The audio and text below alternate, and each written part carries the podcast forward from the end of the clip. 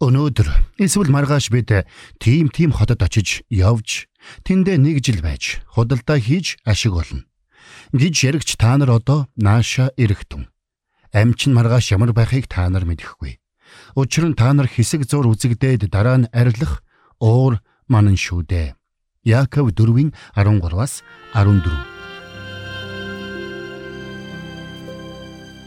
Мэргэний сонсог мэдлэгэд хэлэг ухаалаг нь мэрэгэн өдрөмжийг мөн авг. Доктор Харалт цаалогийн мэрэгэн зөвлөмж нэвтрүүлэг.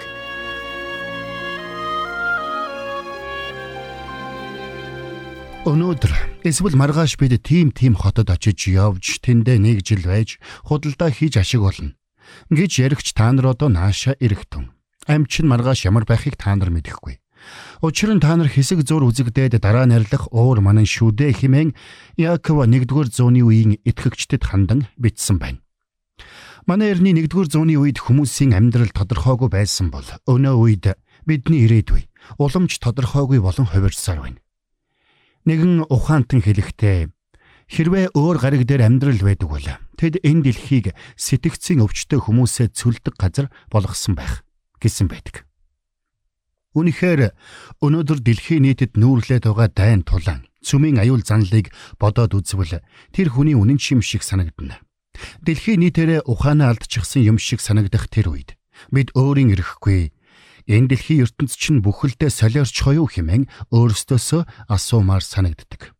Тэгвэл ийм зах замбраа мэдэгдэхэ болчихсон дэлхийн ертөнцээр ирээдүгэ төсөөлнө гэдэг бидний хувьд тиймч амар хэрэг биш юм.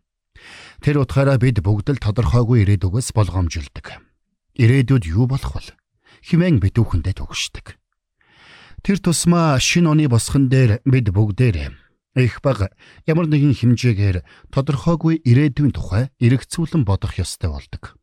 Ингэхдээ эх он жилүүдэд хүн төрлөختөнд юу тохиолдох вэ гэж бодхоос илүүгээр бидний хүн нэг бүрийн амьдралд юу тохиолдох бол гэсэн бодол биднийг нөмөрдөг. Санхүүгийн хэлэлгээр бол өчигдөр нь бэхэн үзгээр бичигдсэн чек.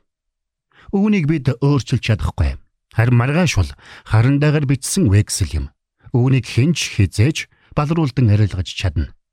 Тэгвэл бид өнгөрснөө ардаа орхин тодорхойгүй ирээдүйтэй бурханд итгэх итгэл дотроос зоригтойгоор нүүр тулахын тулд яах ёстой вэ?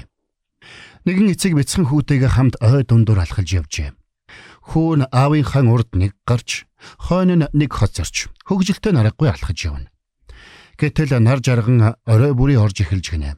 Бяцхан хүү ганцаараа гүүхэ болж аавынхаа гараас хөтөлжээ. Удалгүй шүн болж түнэр харанхуу болоход тэр хүү аавынхаа гараас илүү чанга атгаж ааваасаа алхамж холдолгүй алхсан гэдэг. Америкийн нэрд хөгжмийн зохиолч Ира Стенфилд нэгэнтээ маргааш юу болохыг би мэдэхгүйч миний гараас хэн хөтөлж байгааг би мэднэ хэмээн өгүүлсэн байдаг. Үүнхээр бурхан бидэнтэй хамт гэсэн энэ итгэл бидэнд ирээдүгэ итгэлтэйгээр угтах урам зориг өгдөг. Абрахам Линкольн нэгэнтээ ирээдүй бидэн лөө нэг нэг өдрөөр ирдэг нь агууштай хэмээн хошигнсан байдаг. Харин тэр өдрүүдэд бурхан бидэнтэй үргэлж хамт байдаг гэдгийг мэд санах хэрэгтэй.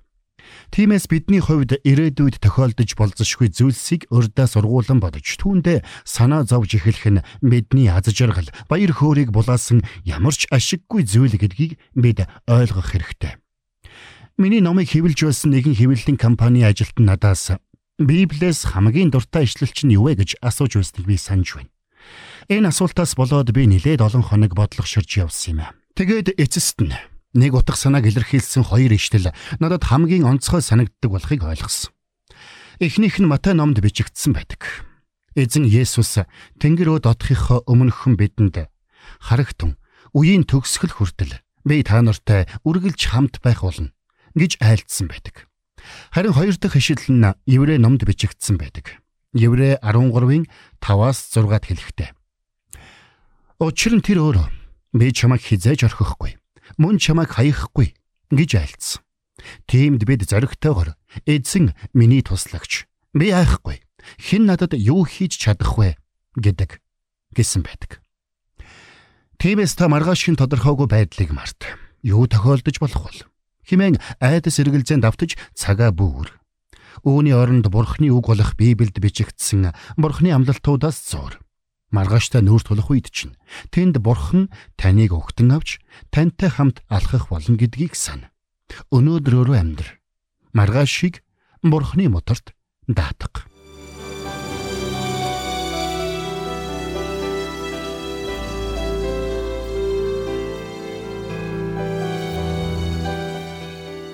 Мэргэн нэгнийг дагуул мэргэн, мулгуутай нөхөрлөл хорлол. Доктор Харалт цайлигийн мэрэгэн зөвлөмж нэвтрүүлэг танд хүрэлээ.